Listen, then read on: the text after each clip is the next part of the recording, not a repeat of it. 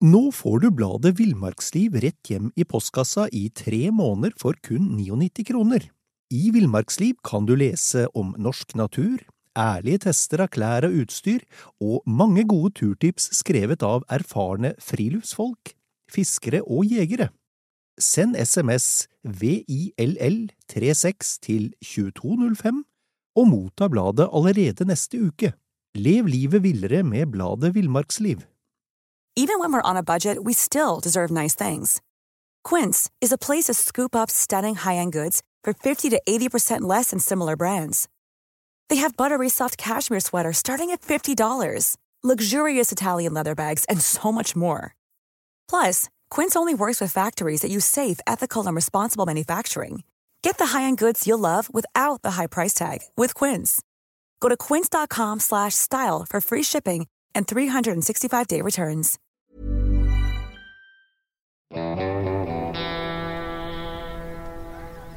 Velkommen til podkasten Villmarksliv. Mitt navn er Knut Brevik, og jeg er redaktør i bladene Villmarksliv, Jakt og Alt om fiske. Og jeg er Dag Kjelsås, og har også fartstid i disse bladene. Og er som deg, Knut, og in ikke minst intervjuobjektet, interessert i sportsfiske. Ja, for i dag, for i dag har vi med oss en, en legende på flere områder, egentlig. Eh, vi har med oss Arild Blomfelt. Eh, Arild er eh, pasjonert eh, sportsfisker. Eh, han var keeper på elitenivå for både Vålerenga fotball og ishockey, noe som er spesielt i seg selv. han er billedkunstner. bygger og samler og pusser opp splittcanestenger. Og, og, og, samler også på fluer og, og sneller. Var det en noenlunde sannferdig um, introduksjon, Arild? Ja, det vil jeg si faktisk. At uh, mesteparten av at det stemmer. jeg vil si det sånn. Men uh, i første omgang vil jeg si at uh, takk for at jeg ble invitert. Det var veldig hyggelig. Selv en gammel pensjonist kommer, på, kommer til villmarksliv. Og det som er litt morsomt, er at jeg har jo mange av disse bladene som dere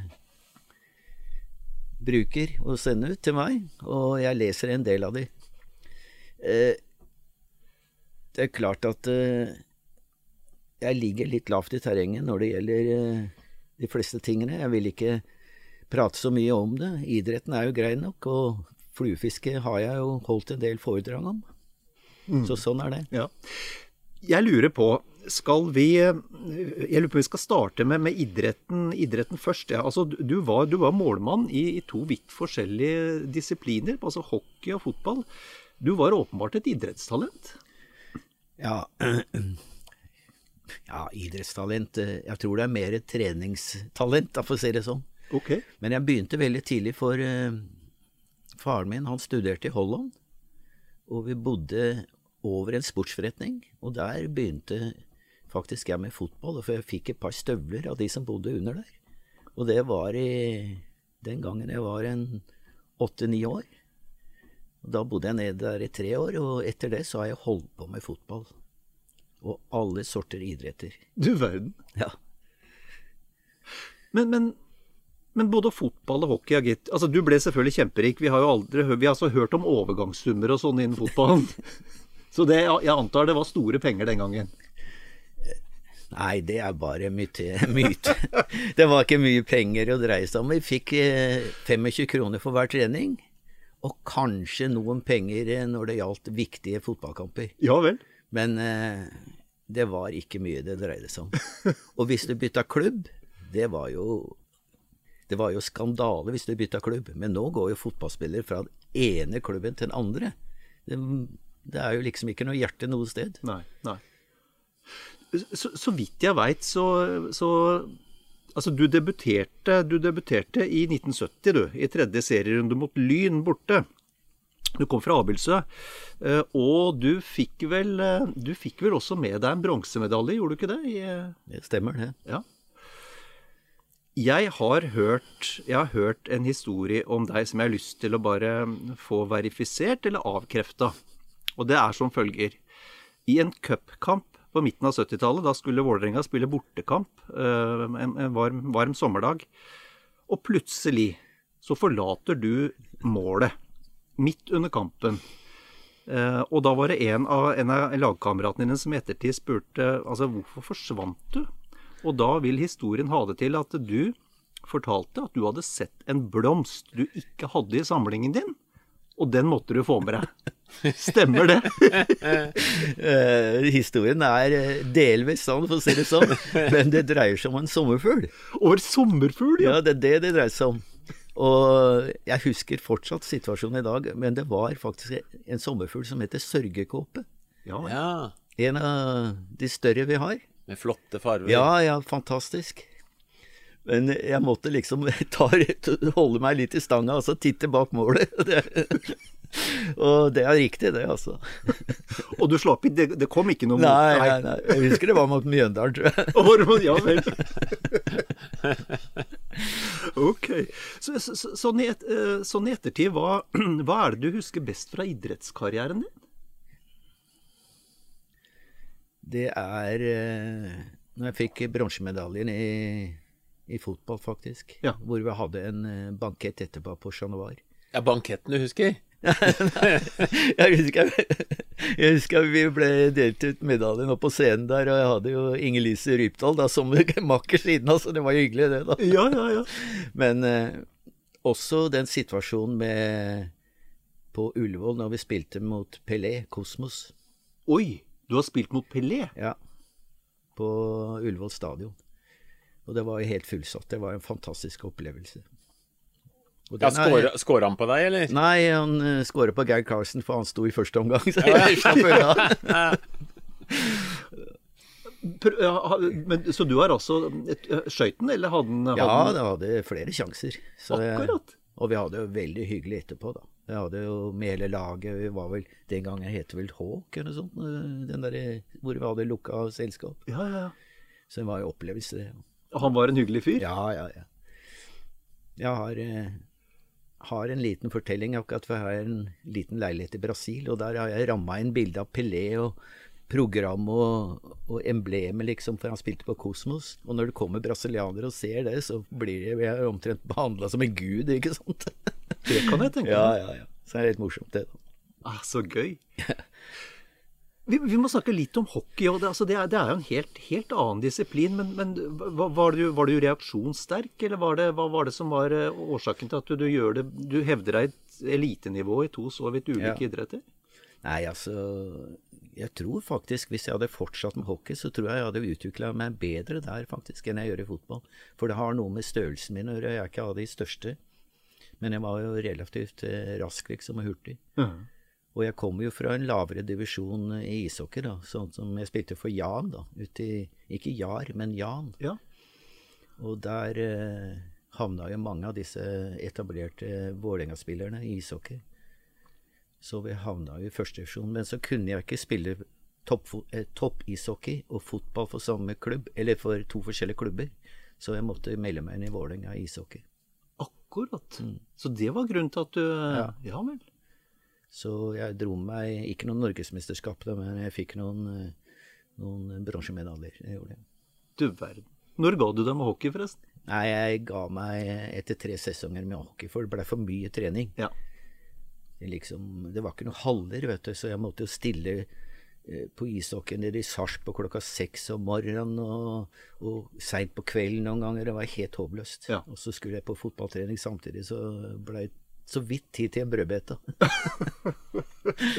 Men jeg er nok en av de siste som drev med to eh, idretter på toppland. ja. Imponerende. Imponerende. Men du la inn et stikkord nå. Du sa du var så rask. Og da tenker jeg fluefiske. Fordi jeg veit jo at du er jo en tilhenger av splittkeinstenger, og du har en samling av splittkeinstenger, men du fisker med raske stenger. Er det Er, er du eh, generelt en rask type, med andre ord? Ja, jeg tror jeg har bevart den der eh, raskheten, faktisk. Og det er klart, noen ganger så så bruker jeg jo av de lette splikkhaugstengene mine til ørretfiske. Men eh, jeg vil ikke ha dem noe stort lenger enn sju fot. Hvis ikke så blir de for slaskete, for å si det sånn. Ja. Det blir den der Kane-aksjon. Og- Men nå som det nye materialet er kommet med karbon i alt som er, så er det jo det jeg liker best, altså de som er litt kjappere, faktisk. Nå kan du få alle varianter av det, da. Eh, Du, du eh, har fiska vel før en del med splittgein, kanskje? Ja, det er korrekt. Og du har en samling av splittgein-stenger, og du er generelt veldig interessert i skal vi si, historien bak bygging av fluestenger. Har du bygd fluestenger sjøl, eller er det bare det at du har beundra de som har holdt på med det? Jeg har eh, bygd eh, fem stenger sjøl, men eh, problemet er at det tar en 70-80 arbeidstimer, og veldig tidskrevende. Og nå har jeg lånt bort den eh, høvelforma mi, og den er klart å skru i stykker. Og den er lånt bort dit, så etter det så har jeg ikke lagd noen fluespenger. Så det blir at jeg restaurerer eh, fluestengene, faktisk. Ja. Og det er klart at det splittgein, det er et håndarbeid, og det liker jeg. Ja, for du er jo kunstner på alle måter.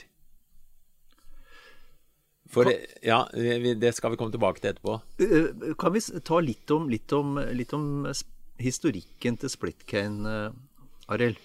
Eh, når, når dukka det opp? Jeg har eh, kjøpt en del sånne Jeg får nesten kalle det utrangerte stenger fra USA, som er helt ubrukelige. Og der er det noe som heter eh, Lanswood, og så er det noe som heter eh, Calcutta Cane. Og så kom det som kaltes for skikkelig splitcane rundt århundreskiftet 1900-1910. Og etter det så er det bare blitt stort sett splittkein. Ok.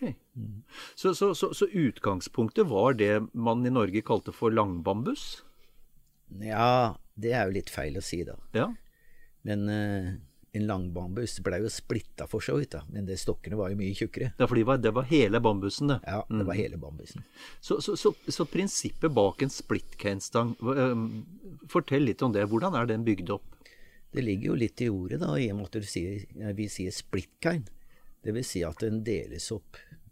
Det er jo langsgående fibre i stokken, og når vi deler den i viss antall deler, så følges det med en kniv, og det er veldig lett å splitte, faktisk. Og da høvles det i 60 grader stort sett, og uh, limes sammen. Så det blir seks deler vanligvis, mens det fins jo femdelte stenger, og det fins firedelte stenger, og det, det fins syvdelte stenger. Du har en syvdelt en fra en som heter, amerikaner som heter von Hoff, som er veldig spesiell. Ok. Og, og, og hvem var det som var, eh, hvis vi deler opp splitcan i enhånds og tohånds, hvem var det som var best på dem, holdt jeg på å si? Tohånds, eh, da dreier det seg om har det alt sammen. ja. Det er det det dreier seg om. I senere tid så kom jo Hør går inn i bildet, og en del andre, da. Farlow eksempel her i England. Og, men som sagt, det er Harley det dreier seg om. Men vi har jo hatt norske byggere som har vært helt på internasjonalt toppnivå. Ja, ja, ja. Absolutt. Og du eh, har jo vel eh, kanskje snakka med noen av dem, iallfall har du veldig mye peiling på hva de har holdt på med, og hva slags stenger de bygde osv. Ja, de stengene norske bygde, de var jo som eh, var jo som det engelske, men det var jo basert på kaste med. De, de nye, eller de eldre tohåndsstengene til Hardy, de var jo ikke til å kaste med. Det var til å sitte i båt og ro. Harling, rett og Ja. slett. Ok. Ja. Med ståltjern og ganske ubrukelig til å kaste med. Og dappingfiske på sjøene fra båt. Ja, det Det, stemmer. det er altså at flua blir tatt av vinden, på en måte, og da må du ha en lang stang for Ja. å få den utover vannet. Men, men eh, hvis du skal trekke fram noen i Norge som var fremragende, er det, da er det vel kanskje vanskelig å komme utenom eh, Vangen? Ja, absolutt. Det er en av de Jeg syns faktisk det er den beste stangbyggeren vår. Sigurd Vangen. Ja, jeg syns det. Og det er vel han som i grunnen Selv om det Høregård kom inn i bildet der med konkurransestengene sine A, B og C og D og sånt, så, så var det Vangen som rett og slett bygde de der og da, og lagde dem passende til han som skulle kaste, da, i castingmiljøet. Akkurat. Han var, han var eh, selve håndverkeren. Det stemmer. Han var opprinnelig en møbelsnekker, Ok. og kanskje en instrumentmaker òg. Han har jo bygd fele. Så det er tydelig at han er, var flink med hendene sine. Dette med, dette med splitcane eh, i dag, og, og, sam, altså, og, og samling eh, og interesse rundt den type stang eh, det, Hvor mange er det som er interessert i det? Er det et stort miljø? Er det, er det internasjonalt? Altså hva Internasjonalt så tror jeg nok det er ganske stort. Det er jo særlig, særlig engelskmenn, amerikanere og japanere som det dreier seg om å gjøre det. Men her i Norge er vi ikke så veldig mange. Det er vel stort sett jeg som har den største samlingen i Norge. Ante. Jeg har hørt rykter om uh, at uh, Ja, det er vel kanskje en i Lærdal som har en større, større samling. Men uh, generelt så tror jeg det er jeg som har den største i Norge. Hvor, hvor mange splittgenstenger har du nå i samlinga? Jeg tør nesten ikke si det. jeg håper ikke jeg kommer og hører dette. Da. Nei, jeg har rundt en 300 stenger. Å, du verden. Det var imponerende. Ja, det er mange. Du har ikke fiska med alle de? Nei, det, jeg har ikke det. Men eh, det er så synd at jeg, de bare henger der. Jeg får jo aldri vist dem. De, de henger jo tett, tørt og godt i kjelleren. Ja. ja. Jeg har et eget rom da, som er en ja, 25 kvadratmeter, som jeg har oppvarma, så jeg har jo fiskestyret mitt der nede. Og nå, nå, skal jeg stille et spørsmål som jeg, jeg veit samlere hater at stilles. Eh, men jeg kommer til å gjøre det for det. altså, hvor, hvor, mye er hva, hva, er verdien på en, en uh, renommert, velholdt uh, splittkenstang? Det, det, klarer jeg nesten ikke å si deg, for å si det sånn. For at det har noe med hvem som signerer stanga, oh, ja. og hvem som har bygd den. Ah. Så fra å være noe sånn pakkeløsning som folk kjøpte. En sjømann kjøpte i, i Japan for, for 50 kroner. Til at det er en amerikaner som er Garrison eller sånt noe, som har skrevet Payne eller hva som helst, som har skrevet Stamp på stanga, så kan det dreie seg om verdi på ja, ikke noe nullverdi opp til en 50 60 70 000. Å du verden. Men eh, stadig ser jeg spørsmål på Facebook og andre steder hvor folk sier 'jeg har ei stang, hvor mye er den verdt?' Og det er jo veldig ofte da ei hørgård eller uh, ei annen stang iallfall som, som uh, har vært brukt til fisking. Og de er vel ikke tross alt verdt så veldig mye? Nei, men det, det, stemmer det. Det er mange som ringer meg også og spør akkurat om det samme. Ja. Og jeg sier at en norsk stang den er aldri mye verdt. Nei, og vi snakker om noen hundrelapper, ja, egentlig? det er hundrelapper. Ja. Det kan kanskje dreie seg om opp mot en 1000 kroner. Det er ikke noe mer den er verdt. Sånn er det. det. Hvis det er noen som Jeg vil gjerne se en sånn stang, og hvis den er ser at det mangler noen ringer og noen surringer og sånt, så er det For meg er det ikke noe problem med å reparere det, men å kjøpe en stang, det gjør jeg aldri. Nei. Og det, det, er jo ikke mange som er i markedet vel som kjøper sånt heller, da? Nei, det tror jeg ikke. Det er de fleste for å ha det på hytta på veggen, liksom. Og henger den der i evig tid, så er den jo ødelagt, liksom. Mm. Han, det er et naturprodukt, og den tar form etter der han henger, liksom. Ja. Så skal oppbevares uh, stabilt ja, temperaturtørt? Ja, det skal det. Mm, mm. Men, men, det er jo et stykke norsk kulturhistorie òg, da? Ja da. Det er jo faktisk eh, folk som I Gjøvik var det flere produsenter av blikkenstenger. Så det er jo en del rundt omkring i Norge som lager liksom på hobbybasis. da. Jeg leste, leste uh, For et par dager siden så leste jeg en, en sak du hadde skrevet om, om akkurat Sigurd Vangen uh, tilbake i 2005 i Alt om fiske. Uh, og da så jeg du skrev at Vangen på et tidspunkt hadde fått spørsmål om om nyere stangmateriale. Og da hadde han sagt noe sånt som at nei, men man kan vel kanskje fiske med det òg? Altså Ja ja. men det er jo riktig, det, da. Det, er som med all annen moderne teknikk. Eller materiale dukker opp og forsvinner. Boron var jo veldig populært en stund, og det er jo helt borte. Og så var det glassfiber, og det passer jo ikke. Men nå er det jo litt resonanse for å komme tilbake til til litt sånn glassfiber og sånn, men eh, jeg vil si at uh, utviklingen er som den er. Og de moderne stengene er jo fantastiske. Selv om de er billige, så er det utrolig gode stenger. Mm, mm. Er, er, det mulig å få det så mye bedre Jeg vet det er et talentløst spørsmål. Er det mye, mulig å få det så mye bedre enn det er i dag? Nei, det er vel kanskje vanskelig, for å være helt ærlig. Nå har de begynt på snører, da.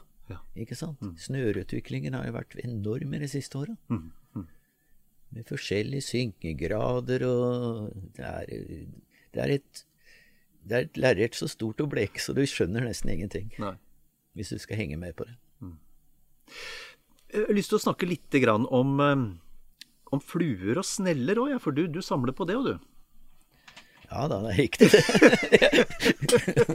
du, for å være helt ærlig så samler jeg på alt som gjelder fluefiskeutstyr. Okay. Om det er fra duppeditter, smøremiddel, eh, tørrfluepulver, eh, oljer, sånne ting. Silkesnurr. Alt som har med fluefiske Men jeg dropper det med, hasp, eller det med slukfiske og spinnfiske, da. For eh, ellers så blir det for mye å holde på med. Selv om jeg har en del spinnstenger. Da, jeg har jo det. Hvis vi går på sneller, så Altså på stenger så har vi en tradisjon med gode norske folk som har lagd det. Men på snellesida, er det noe å si om, om tradisjon der? Ja da, vi hadde jo Ja, vi hadde en del fine Den velkjente laksesnella til Høregård, da. Ja. Den er jo fin samleverdi på fortsatt. Jeg har ei fluesnelle som det står Aure på, men det var vel litt mer sånn masseprodusert Ja, ja. billig. Og så hadde jo han eh, ingeniør eh, Gran, er det ikke det han heter? Jeg er litt usikker på det. Men han lagde jo fantastisk fine sneller. Men det er ikke mye av det på markedet. Altså, Nei. det. Så vi lagde ikke så veldig mye sneller. Vi, vi kjøpte dem faktisk fra Det var for Hardy det dreide seg om. Det er jo hardy som I lakseelvene i hvert fall, så var det jo hardy med elfenbensveiv. Da begynner vi å snakke penger, Mm. Ja, da penger vi langt tilbake. Nei, men eh, jeg har jo som sagt like mye sneller som jeg har har stenger, da, for å si det sånn. Men mine sneller er litt mer moderne, da, for å si det sånn. Selv om jeg har 20 sånne perfectere. Ja, fra 1895 og oppover, det har jeg jo. Og noen amerikanere. Det er litt von Hoff og ja, litt sånn forskjellig. Så det er jo kostbare sneller, men det er, jeg fisker faktisk med noen av de gamle. For det syns jeg er hyggelig. Jeg bruker noen av de gamle snellene mine. Det er veldig fin låt i dem når laksen kjører hardt. ja, heter seg ikke at uh, når du hørte uh, Perfecten uh, knarra i, i Gauldalen, så fløy trosten og gjemte seg. Ja, ja. Det var jo på det nivået der. Får jeg spørre, hvilken, hvilken av de snellene du har, av de antikvariske snellene du har, er det du syns er morsomst å fiske med? Hvem, altså, hva, er det, hva er den perfekte snella du har? Jeg brukte den der von Hofen min. Jeg har to stykker av de, da. Den brukte jeg mange, mange år, og kjørte mange storlakser på den når jeg var oppe i Alta. Men så er problemet det at nye stenger, da passer ikke den snellefoten. Og da må jeg begynne å bygge opp den moderne, moderne stengene, og det har jeg droppa, for å si. Så nå går jeg og bruker noen perfecter med mindre snellefot, da. Akkurat. Mm. Mm. Hva, hva med fluer, eh, Arild? Hva er, det, hva er det man ser etter man Hva slags type fluer er det man samler på? Man, hvordan skiller man en som er verdt å samle på, fra en som ikke er det? Jeg kjøper ofte noen samlinger, og jeg kommer borti noen samlinger, og da spør jeg gjerne etter fluer, særlig laksefluer, da. Og det er klart, når jeg ser en gammel lakseflue, særlig med gutøye, dvs. Si at det er en silketråd som er tvinna tre-fire ganger, som er lagd som et øye da på kroken, det er liksom mint. Det er liksom toppen av toppen, da, for å si det sånn. Og særlig hvis det er brunt surretråd som er brukt på hodet, så indikerer jeg at det er som regel er en hardyflue. Ja. Okay. ja, for der står det ikke noe merkenavn på. Nei, det gjør ikke det. så det er stort sett eh, Det mest kjente er jo Farlow som drev, og, og Hardy som drev. Men eh, når vi snakker fluebinding, så har jo norske eh, fluebindere vært kjent etter at iallfall laksefiske ble introdusert av engelskmennene for lenge siden. Ja, det er riktig. Vi har jo fantastisk fluebindere her hjemme. Ja. Olsen-brødre der, og Erling Sand og det Nei, det er fantastisk mange fine fluebindere. Det er det. Binder du fluer? Det. Jo, jeg binder fluer. Jeg begynte med klassiske fluer, men materialene for å få tak i riktig fjær, det, det havna ute i periferien, for det, det er jo trua fuglearter, Ja. av de fjærene, og det har jeg droppa helt. Så jeg binder bare mine egne fluer, stort sett, da. Og nå går det stort sett i tubefluer, ikke sant. Men du har jo, har jo fiska både med de eh, tradisjonelle med freda arter i, i mønster osv. Men er det egentlig noe bedre å fiske med de gammeldagse eh, fluene som det tar et halvt år å binde, liksom, i forhold til de raske, raske tubefluene?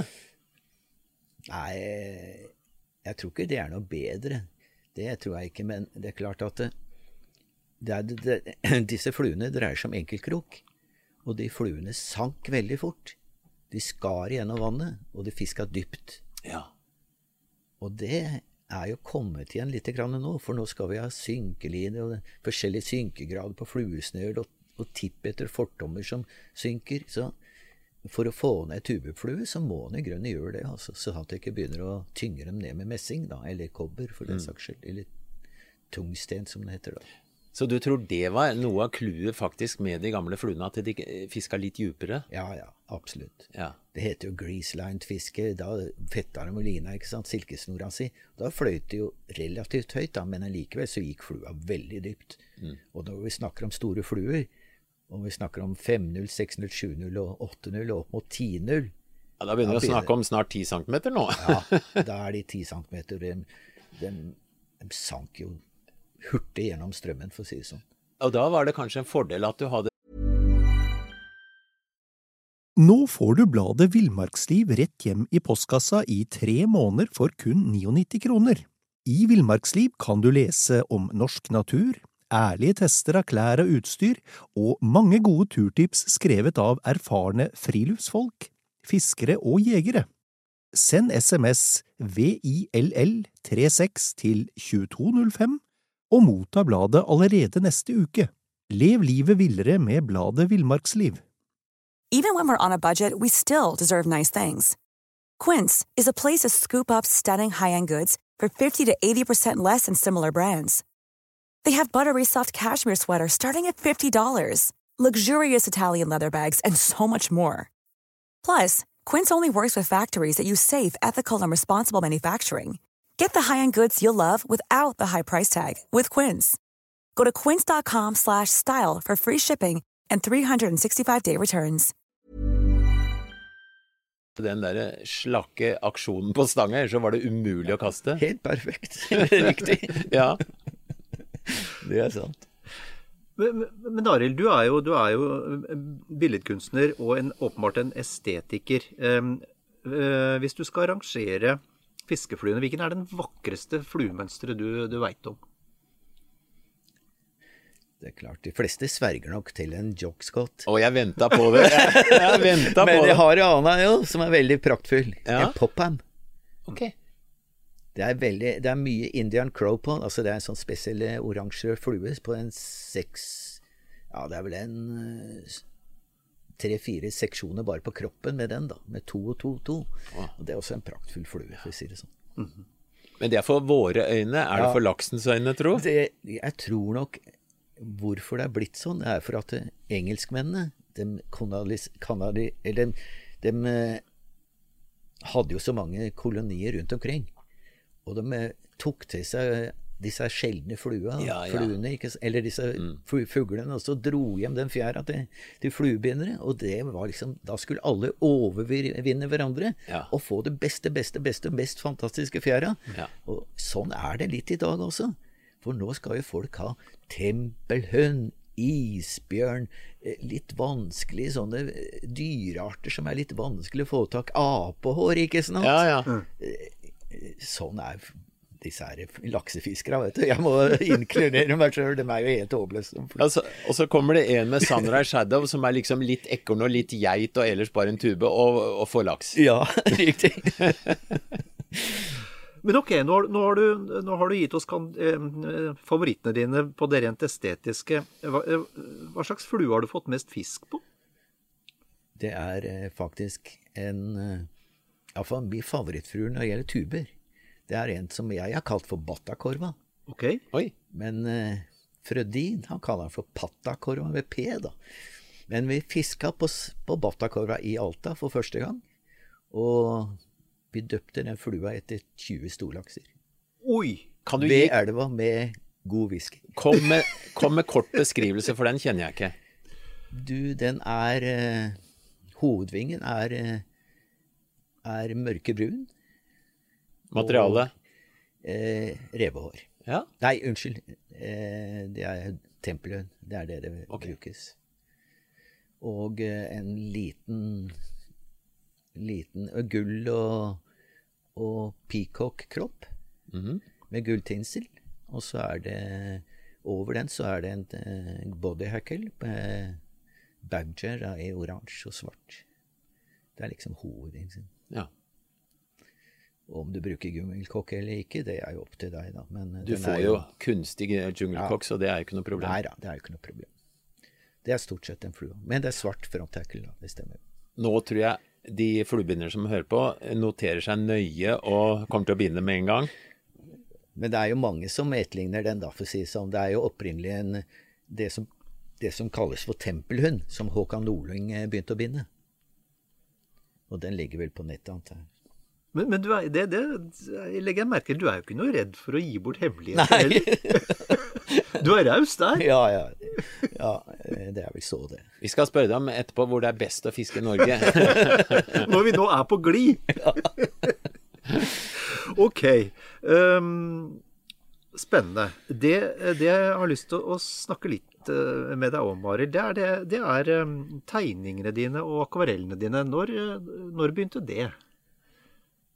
Ja, det som, eh, det som syns i dag, da, det er jo i relativt nyere tid, for å si det sånn. Men jeg merka det allerede på skolen da, at jeg var veldig god til å tegne. Jeg en, hadde en bestefar som var en Jeg syns han var en stor kunstner. Han øh, jobba med pastell da, mye. Og jeg har kun noen få bilder av han på veggen hjemme. Ellers har det forsvunnet alle sammen til Sverige. Eh, min egen tegning, da, den utvikla seg mer og mer, og da begynte jeg liksom å, å eh, tegne særlig fisk, da, for det er liksom det som jeg syntes var morsomt. Og det illustrerte jo ganske mange bøker oppigjennom, da, særlig gjennom Arild Fredriksen. da. Så Nei, som sagt, eh, nå sitter jeg og tegner når jeg får lyst, og så selger jeg jo aldri, da, omtrent. Nei, nei, nei. nei. Det skal sies til de som hører på, at de tegningene dine er bare helt rå. Du føler at du er nede hos fisken, og du, du, vi som har fiska litt, grann, vi, vi, vi kjenner oss så igjen, og det er så herlig å se på, bare så det er sagt. Ja, men det kommer av dag. Jeg liker å tegne fisken i rette miljø. Ja, Det, det har det. Og det er viktig å få liv i fisken òg, da. Ja. Så akkurat det med tegninga, det kanskje jeg skulle gjort noe mer ut av. Du kunne levd av det, men du kunne jo tydeligvis ha levd av å stå i mål på ishockeykamper og mye rart, du. 25 kroner kampen. ja, ja, ja. Men, men er det noe du tenker på? Altså, du, har jo, du har jo drevet med, med mye forskjellig. Uh, at du burde brukt mer tid på uh, billedkunsten? ja jeg, jeg, men jeg er litt redd for at jeg mister liksom eh, friheten min, da, for jeg gjør det. Hvis jeg setter meg ned og begynner å tegne liksom for å få inntekt av det, så blir jeg kanskje sittende der, og da får jeg ikke holdt på med hobbyen min, da, for å kalle det det. Og det er jo å fiske, og du er jo nesten under vann hos laksen når du er i elva, ikke sant? Jo da, det stemmer. Jeg har vært med et par ganger i elva. Ja, du, har, du noe, har du noe dramatiske historier å Nei, ikke noe sånn veldig dramatisk, men jeg har jo seila nedover noen meter, da, for å si det sånn. Når du står på spissen av en sånn grusøre, og du kjenner kulesteina liksom begynner å gli under beina dine, og, og strømmen presser på, det er ikke noe behagelig, altså, for å si det sånn. Du klarer å gå nedover, nå skal jeg gå opp igjen, så plutselig har vannstanden økt litt, og Ja. så skjønner du, nå går det nedover elva. Nei, jeg har hatt en par, eller en i Rauma, og så har jeg hatt en i Alta, da, så det, men det har jo gått bra. Du ble henta opp litt lenger ned i elva. Nei, ja, jeg ble plukka opp på en båt, da. Men, men, men Arild, du nevnte her eh, før vi, før vi skrudde på opptaksknappen her, at uh, din mor var en veldig uh, en pasjonert laksefisker. Ja. Og at hun, eh, at du var med henne på, på laksefiske. Var det, var det der det på en måte starta? Nei, det var jo i grunnen ikke min mor. Det var onkelen min som bodde i Konrades gate. Det var jo en av sidegatene til Raktes gate hvor Vangen jobba. Ah, Så det er han som begynte å dra med meg opp i Rena, og vi var oppe i Roåsen, oppe i Røa, oppe i, inn i Femund der, og det var noe så fantastisk. Det var så vidt jeg klarte å stabbe meg etter med sånn bambusstang, da. Så, men bestefaren min var skogsarbeider, og et lite skogbruk oppe i Elverum. Og han visste om mange fine vann som vi dro til, da. Og da var jo også mora mi interessert i fiske og var med, da. Så jeg blei veldig tidlig prega altså, på det der laksefisket. Og onkelen min flytta opp til, til Han var jo fra Sør-Trøndelag, Sør-Trøndelag ute i Stokke. Og han bodde ved Lakseelv, som jeg begynte allerede som eh, tiåring å finne, begynte å fiske, liksom. Så jeg var veldig tidlig prega. Altså, så du har fiska laks siden du var ti? Ja, jeg har faktisk gjort det. Og det er ingen uh, hindring at du er mellom 70 og 80. Du kommer til å fiske i 20 år til. Ja, kanskje. Ja, for du er på fisketur etter, etter bl.a. laks hvert år. Ja, det er jeg. Mange ganger òg. Ja, det er kanskje for mange. Iallfall sier dem hjemme. Men, men du, du, du nevnte i en bisetning her i sted at dere, dere døpte den flua etter 20 storlaks i Tana. Alta. Alta. Alta. Har du, no, har du noe oversikt over hvor mye laks du har, har fiska opp gjennom året? Eh, ikke før 1988. Men etter 1988 så har jeg stort sett oversikten, for da skriver jeg dagbøker. Ja, ja, ja. Som jeg illustrerer samtidig. Da. Og, og hvilke, hvilke områder er det, du, er det du fisker i, eller har fiska i? Jeg fisker ikke mye i sørlandselvene. Nei. Men det er fra Trøndelag og oppover er det titt og ofte, og helt opp til Finnmark. Så akkurat nevne alle elvene, det Nei. blir et langt register. Ja, ja. Hvor er det du, hvis du, hvis du fikk velge én elv å tilbringe en uke ved, hvor ville det vært? Ja Du svarer meg vanskelig, spør meg vanskelig nå, da. Men det er klart at jeg har vært en eh, 10-15 ja, 15 ganger oppe i Alta og fiska. På det beste tida og høsten, faktisk. Og bedre, eller triveligere fiskeelv, det fins ingen andre steder i verden, omtrent. Jeg har vært i Alaska, jeg har vært på Kamtsjatka, jeg har vært i Russland. Det er fantastisk, altså, når du treffer på. Dessverre så har det blitt for dyrt. Det er eh, Men da sånn har, det er blitt. med, da har du med canyonen og elvebåten og hele miljøet rundt også. Ja. Ja. Og det er jo mye kaffekok, da. Ja, Det er jo det som er litt viktig. Jeg er ikke noe sånn stressfisker. Jeg liker å prate med lokalbefolkning. For å ikke snakke om å være sammen med samer, er jo fantastisk. Hvis du får de rette folka. Jeg har vært i Karasjokka sammen med eh, noen samer. Det har vært verdens hyggeligste og fantastiske naturfolk. Mm, mm. Så nei, det er, eh, det er mye han går glipp av. Jeg savner, savner det når jeg går i grava. Og ennå så har jeg en følelse at du har fiska mer enn de fleste. Det kan nok hende. Hvor har du vært i år, forresten? Jeg har vært i ja, Først så var jeg i Orkla på åpningsfiske. Og så var jeg i Bolstad. Og så har jeg vært i Å en tur, borti Hyen. Og så har jeg vært i Orkla igjen, og så har jeg vært i Gaula. og så har jeg vært en tur i Danmark og Ja. fiska laks. Og det er jo Skjærene òg i Danmark. Det er jo atlanterhavsfisk. Det er jo litt morsomt, det. da. Og den har kommet opp under radaren, egentlig. Ja, ja, ja, den har det. Og det området jeg fiska i, det var jo et trivelig sted. da. Jeg klarte å få en liten laks der.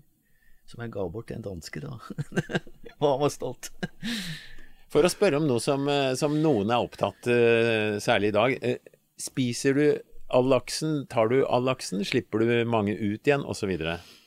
Jeg, restriksjonene er blitt sånn at jeg får nesten aldri tatt med meg en fisk hjem. Det er svært sjeldent. De siste tre åra har jeg ikke tatt en fisk med meg hjem. Og det er klart at personlig så ville jeg gjerne hatt en røklaks. Ja. Jeg ville det. Jeg kan ikke si noe annet. Men eh, reglene er blitt så vanskelig og så tricky at det blir Jeg skjønner snart ingenting når jeg skal legge inn og registrere fisken min. I Bolstad var det helt håpløst å registrere fisk. For der skulle det var noe som var merka og ikke merka. Nei, dataalderen har ødelagt mye av gleden med fiske, faktisk. altså. Syns jeg. Det er sånn det er. Mm. Men du har jo vært med i de beste åra når det gjelder laksefiske, og du har jo også opplevd at det har gått nedover. Men eh, hva vil du si til ungdom som på en måte kan tenke at nei, laksefiske det var vel noe som var før, så det er blitt umulig. Men det er jo ikke det. Nei da, det er jo ikke det. Det er jo bare å gå inn på nettet og finne et sted. Og stort sett så er det jo har de en tendens til å gå til, eller fiske på de stedene som er veldig, veldig populære, da, for å si det sånn. Plutselig er det bra i Vefsna, og så er det plutselig bra i Orkla. Så, så de er sånn svimsete. Det lønner seg å være fast på sted. Og jeg har den erfaringen at hvis du fisker mange år på samme sted, så fisker du bedre og bedre etter hvert, for du veit hvor fisken står. Ja. Det er og da konsentrer deg på de stedene. Hva, er det beste rådet du vil gi når det gjelder laksefiske, og du er på et sted? Hva skal du se etter Hvis du ikke er så godt kjent, da, hva er det du ser etter av formasjoner og osv., detaljer i elva, før du begynner å fiske et sted? Først vil jeg si at det lønner seg Iallfall hvis det har vært folk der før og fiska, og se hvor de har stått hen. Stått og fiska som regel, så er det bra steder. Der gapahukene er, f.eks. Mm. Viktig. Det er sånn observasjonspost hvor er, du kan dra med deg mye informasjon, liksom. Og det er klart at strømforhold og sånt det innvirker, men så har jo vannstanden noe å si. da, så fisket forandrer, Stamplassene forandrer seg etter vannstand, da, så du må jo være flink til å lese. Stor elv, fisker du nær land lita elv, så fisker du mer forsiktig, liksom. Men beskriv en ideell fiskeplass etter laks med flue. Eh, en ganske rask innstrøm. En dyp høl hvor han kan gjemme seg, og et fint uteløpsbrekk. Og da fisker du da hvor? Da fisker jeg gjerne fra der dypet går opp til grunt, i slutten av brekket. Eller slutten av hølen, og så ned mot brekket. Og mist aldri dypt ned i veden, sier de bestandig. At du skal fiske liksom utløpsveden. Helt ned i utløpsveden, faktisk. Og forskjellen på dag og natt? Eh, som regel så slipper fisken seg på, ned på de litt mer grunnere områder gjennom natta. Og du fisker også med lettere ikke bølger, lettere utstyr, men en flyte høyere, en line som går høyere i vannet. Og gjerne en uh, stripende flue, syns jeg, eller en sønderei. Det er det som er liksom medisin om natta. Både på sjøørret og laks. Mm. Du, du, du, nevnte, du, nevnte, Bolstad. Eh, fiska du i, i Vosso i, i, de virkelig store åra? Nei, det kan jeg grine ikke grine over at jeg ikke var med på. Men bare se i den der hytta til han eh, Odd Haraldsen. Det er så fantastisk, altså, de bildene. Så du er jo ikke tru det. Altså. Nå er det kommet inn en bok om Bolstad som er fantastisk fin. da. Men jeg var jo der på prøvefiske når det åpna igjen. Og det var så fantastisk laksefiske, så det var eventyrlig. Så det var eh, Vi var eh, to bulker prøvefiske på forsommeren og prøvefiske på høsten. Og jeg var med på ettersommerfiske, for å si det sånn. Og det, Fem mann fikk en 50 lakser vet du, på tre døgn. Å. Men der var det bare fisk som var merka, skulle settes ut igjen. Alt ja, ja. Sammen, Men du, det er ett spørsmål som vi ikke har, fått, uh, ikke har stilt. Den største laksen. Vi kommer ikke utenom det. du visste det kom. Nei. Du, det er uh, alle, alle jeg kjenner, de har jo fått uh, store fisker. De har jo det. Og det teller jo mye for mange, da, for å si det sånn. Det teller jo også for meg. Det er jo klart eh... Ja, men antall kilo? Ja, jeg skjønner det. Jeg har litt vanskelig for å si det. Nei, eh, for å være helt ærlig så har jeg noen sånne juksefiske, for å si det sånn, da, som jeg har fått på stamfiske og vært til Sverige og fiska. Og der er det ikke så uvanlig at du drar på deg 20 kilos fisker. Mm. Jeg har aldri fått veid de skikkelig. Men jeg har eh, i Mørum, når det på den verste tida, det var jo 20 kilo, så var det jo helt vanlig, liksom. Og eh, her hjemme så har jeg en fisk fra Årøy som uh, nærmer seg sikkert 20. Jeg har ja. bare et bilde av den. Vi satt den i et Oppi baren oppe i Klekkeri, faktisk. Ja. Så, men det er jo fisker som er tatt utafor sesongen. Mm. Men i laksesesongen så har jeg mista to fiskere hjemme som jeg tror har vært Men jeg har mista dem, dessverre. En i Alta, så har jeg mista en oppi i, i Vadsø, faktisk. Så det er jo sånn som det er. Men det største jeg har fått, sånn rent som jeg veit, den uh, veide 18,7 kilo. Å, du verden. Den kjørte du vel eh, litt mer enn fem minutter? Ja, eh, men jeg vil si det sånn, å holde på et times med fisk, det har jeg aldri gjort, faktisk. Nei. Jeg, går for å være ganske spenner opp stanga ganske mye, for å si det sånn. Har du noen dramatiske episoder hvor du har eh, liksom løpt, eh, eller, eller hvor, hvor, fisken har hengt seg fast i en stein, eller et eller annet? Du har, jeg har hatt en del av de situasjonene der. Uh, og det er jo dem du husker best, da. Ja. Uh, har hatt uh, en situasjon i aulaen på en storlaks som også som jeg faktisk så og holdt på med ufattelig lenge. Og til slutt så rodde vi ut i båt og prøvde å få den løs med stein. Men jeg sleit på den til slutt, for jeg fiska jo etter sjøørret. Og så mista jeg en svær sjøørret i Jævland dagen etter. Som var Den også var sånn at den kjørte seg fast og hadde helt vill løping etter. Den har jeg skrevet en fortelling i Fisk for alle for mange år siden. Sånn, tror jeg. Snakker vi ti kilo pluss? Du, jeg tror ikke han var så stor, men jeg har ikke noe større skjørhet enn 7,4. Det er mange som ikke har det. men, men, men, du, nevnte, du nevnte du hadde mista to storlakser. Og, og, da er jeg litt spent på, sånn, når du ser det i ettertid var det, var det feil er det, er det, noe du ville gjort annerledes da, i de to situasjonene, eller var det, var det på en måte Jeg ville brukt en annen krok på den ene. Ok. Retta han seg? Ja, den retta oh. seg. Ja. Den gjorde det. Og han som hadde konstruert kroken, han sa at den skal være sånn. Enten så det er bedre at den retter seg enn at den ryker, da. Okay. Men eh, den retta seg sto bare som et grillspyd rett ut. så det er sånt som skjer. Da sto stanga ganske rund? Ja. Og jeg var litt for å si det sånn, litt høy på pæra. Og spurte, en danske spurte om jeg skulle hjelpe, men nei, nei, nei, dette går bra, sa jeg. Men det gjorde ikke det. Altså. jeg holdt for hardt. Ja. Men den så jeg, så jeg flere ganger, og det var jo sånn Jeg har jo sett fiske på veggen der som veier 25 kilo. Den var ikke så langt unna det, tror jeg. Oh. Men han var jo kursvart, da. Ja, så ja. det var ikke noe Hannlaks? Ja, det var svær sånn hannlaks. Ja. For det var, det var faktisk i, i M der. Jeg fisker jo litt i M, da. Jeg har vært ganske mange ganger der. Hvis du skal, hvis du skal trekke fram eh, den største opplevelsen du har i, i norske lakseelver i løpet av, av disse åra hvor du har vært svært aktiv, hva, hva vil det være? Nå sitter jeg og grubler lenge, da. Bare gruble. Nei, altså Det er jo klart at uh, jeg er sånn som suger til meg natur òg. Jeg er veldig naturinteressert. Når det gjelder blomster, fugler Jeg plukker jo stein fra hver eneste elv jeg fisker i, da. Så nå er jo ryggsekker fulle, holdt jeg på å si. Men jeg, jeg, vil si det er fantastisk å være i Alta. Mm. Det er faktisk en av de stedene som jeg Særlig oppe i canyon der. Å fiske på Steinsfossbrekket der er, er jo helt eventyrlig. Mm. Jeg har aldri fått noen stor fisk der, men jeg vet at det er muligheter. Mm.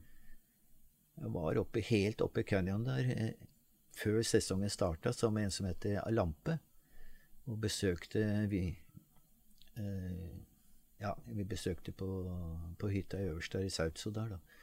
Og da mista jeg Blei så fascinert av en sånn svær havørn som fløy langs canyon innover der. Så jeg fulgte ikke med i svinga. Vi var helt ned på Gavånakken der. Og da dro det på en svær fisk. altså Dette var jo før eh, sankthans, da, så det var jo fritt fiske der. Så han sa til meg, han lampa, at 'nå dro du bort en svær laks'. Sånn. Nei, nei, nei, det var sikkert en gammel støing. Sånn. Og da banna han litt stygt til meg og sa han, 'her er det faen Mm, mm, ingen støing', sånn. Men du, det var havørna som gjorde at du ja, mista den? Ja, altså, ja, for du jeg, fikk ikke Jeg fulgte ikke med når den tok flua mi i hele tatt. Ja, du, eh, et teknisk spørsmål nå, bare. når fisken du, du driver med harling, ikke sant, fra båt, da, og Ikke jeg. Nei, du, du, du, du var Jeg kaster aldri Og det var ikke fra båten, nei? Nei. Jo, det var fra båten, men vi kaster fysisk Ja, okay, okay. fra båten. Men, men når fisken tar, venter du lenge? Slipper du line? Hvordan takler du akkurat den situasjonen? Jeg har eh, ikke løkke. La fisken ta rett inn på snella. Men jeg har veldig løs snelle. Ja. Veldig løs snelle. Så Og hvor tid, mange sekunder går det før du gir tilslag da? Eller strammer største problemet mitt, det er det at eh, de der keepertendensen på straffespark Du er lynrask, du. Den er litt grann kjapt til å begynne med på sesongen. Du har nappa ut noen fluer før Så jeg laksen har har nappa ut noen fluer. Men som regel etter noen lakser så, har jeg, så venter jeg tre-fire sekunder. Ja. Og særlig hvis jeg begynner å se lina går Mm. under vannet der. Da er det bare å løfte stanga og stramme Ja. opp. Og da låser jeg faktisk ikke med brems. Jeg har aldri lø hard brems på snella mi. Ja. Jeg bruker henda, liksom. Og låser opp når jeg kroker den opp. Ja, og da sitter flua i kroken. Ja, den gjør det. altså innerst i Men han kan eh, noen ganger være litt dypt, altså. For å si det sånn. Ja, så han rekker å få det ned. Ja, og Det er litt farlig nå som vi skal slippe fisk. da. Mm. Så det beste er å kanskje være litt rask. Ja, er det vel sto vel et stykke fisk for alle nå, faktisk, akkurat om det der greiene der. At enkeltkrok kroker ofte bedre, eller bedre, men lettere i munnvika da, enn en tube. Ja. Vi har jo allerede eh, konstatert at eh, du har eh, i hvert fall 20 år hun skal fiske fremover, var det ikke det du Men, men, men, men hva, hva, hva er ugjort for deg nå? Hva, hva er planene fremover, sånn rent fiske, fiskemessig for deg? det blir at jeg, jeg, jeg setter veldig pris på å fiske med de vennene jeg har. Og det er viktig når du fisker, og særlig de tidene hvor det er lite fisk. Og det begynner å bli når det gjelder laksefiske. Så det er den hyggen du har sammen med gode venner. Så å være sammen med de, om det er et toppelv f.eks., eller om det er et dårligere fiske et annet sted, så er det, det er liksom vennskapet som jeg setter mest pris på nå. Da. Det er det. Men planene framover, den tar jeg litt på hælen, altså, for å si det sånn. For jeg blir, hender det at jeg blir invitert rundt omkring mange steder. Nydelig avslutning. Eh, tusen takk for en hyggelig, hyggelig prat. Bare hyggelig. Og skitt fiske de neste 20 åra. Tusen takk, takk. Det satte jeg pris på. Det er bra. Hjertelig.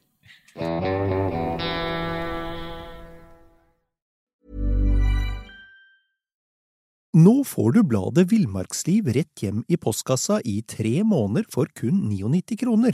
I Villmarksliv kan du lese om norsk natur, ærlige tester av klær og utstyr, og mange gode turtips skrevet av erfarne friluftsfolk, fiskere og jegere. Send SMS VILL36 til 2205 og motta bladet allerede neste uke. Lev livet villere med bladet Villmarksliv. Mom deserves the best, and there's no better place to shop for Mother's Day than Whole Foods Market. They're your destination for unbeatable savings, from premium gifts to show-stopping flowers and irresistible desserts. Start by saving 33% with Prime on all body care and candles. Then get a 15-stem bunch of tulips for just $9.99 each with Prime. Round out Mom's menu with festive rosé, irresistible berry chantilly cake, and more special treats. Come celebrate Mother's Day at Whole Foods Market. Hey, it's Paige DeSorbo from Giggly Squad. High quality fashion without the price tag. Say hello to Quince. I'm snagging high-end essentials like cozy cashmere sweaters, sleek leather jackets, fine jewelry, and so much more. With Quince being 50 to 80% less than similar brands. And they partner with factories that prioritize safe, ethical, and responsible manufacturing. I love that. Luxury quality within reach. Go to quince.com slash style to get free shipping and 365 day returns on your next order. Quince.com slash style.